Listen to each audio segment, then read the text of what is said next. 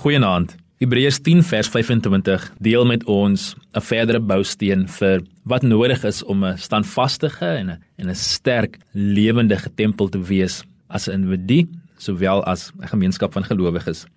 Uh die skrywer in Hebreërs stel dit so: Ons moenie van die samekomste van die gemeente af wegbly soos party se gewoonte is nie, maar mekaar eerder aanmoedig om daarin te gaan en dit des te meer na mate julle die oordeelsdag sien naderkom.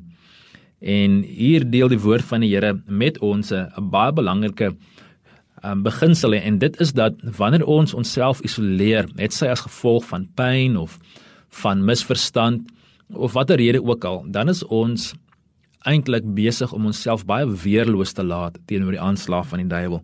Ons word aangemoedig hier om nie die samekomste van die gelowiges te verontagsaam nie of weg te bly daarvan nie, maar om eerder terug te keer want ons is medegelowiges. Efesiërs 2 vers 19 en 20 stel dit mos so, nê, nee, dat ons is nie meer ver van God nie, ons is nie meer bywoners nie, maar ons is medeburgers van die gelowiges en lede van die huisgesin van God. So ons is nie die kerk van die Here Jesus Christus is nie net 'n instansie nie, ons is 'n familie en en God het plaaslike huisgesinne binne in sy familie beskik vir gelowiges om 'n tuiste te kan vind, 'n plek waar ons mekaar ken, 'n plek waar ander ons ken.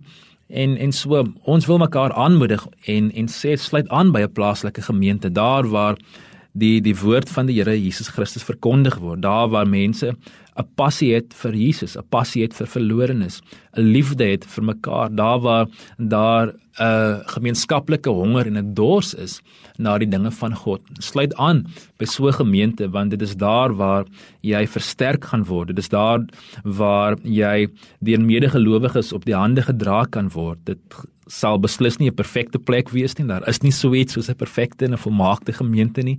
Dit bestaan nie. Ons is almal besig met 'n reis na Christelikheid om meer soos Jesus Christus te word, maar totdat Jesus eendag vir ons terugkom, gaan ons ongelukkig mekaar teleurstel en gaan ons ongelukkig mekaar seermaak. Maar ons kan nie onsself isoleer van daardie pyn nie. God het dit so beskik dat binne in 'n huwelik, binne in verhouding ons die meeste kan groei en dit is dieselfde binne in die verhouding met die gelowiges. Dit is slegs binne in daardie verhouding dat ons werklik kan bereik en word dit wat God ons bestem het om te wees. Ons het die gemeenskap van medegelowiges nodig. Onmoontlik om te groei sonder ons broers en susters in die Here. God soek nie lone rangers wat alles op hulle eie wil doen nie. Maar hy het ons geroep om saam te staan, saam te bid saam te lag, saam te huil, saam te kan groei. En dit is my hartsbegeerte vir elkeen van ons dat ons sal uitreik na mekaar, dat ons mekaar sal bemoedig, dat ons daar sal wees vir mekaar en ons saam daardie veilige tuiste en daardie veilige plek sal skep waar diegene wat God nog nie ken nie, nog nie weet dat hy 'n massiewe groot pappa hart het vir baie kinders nie, in ons iets van sy liefde sal sien en sal ervaar. Die Here seën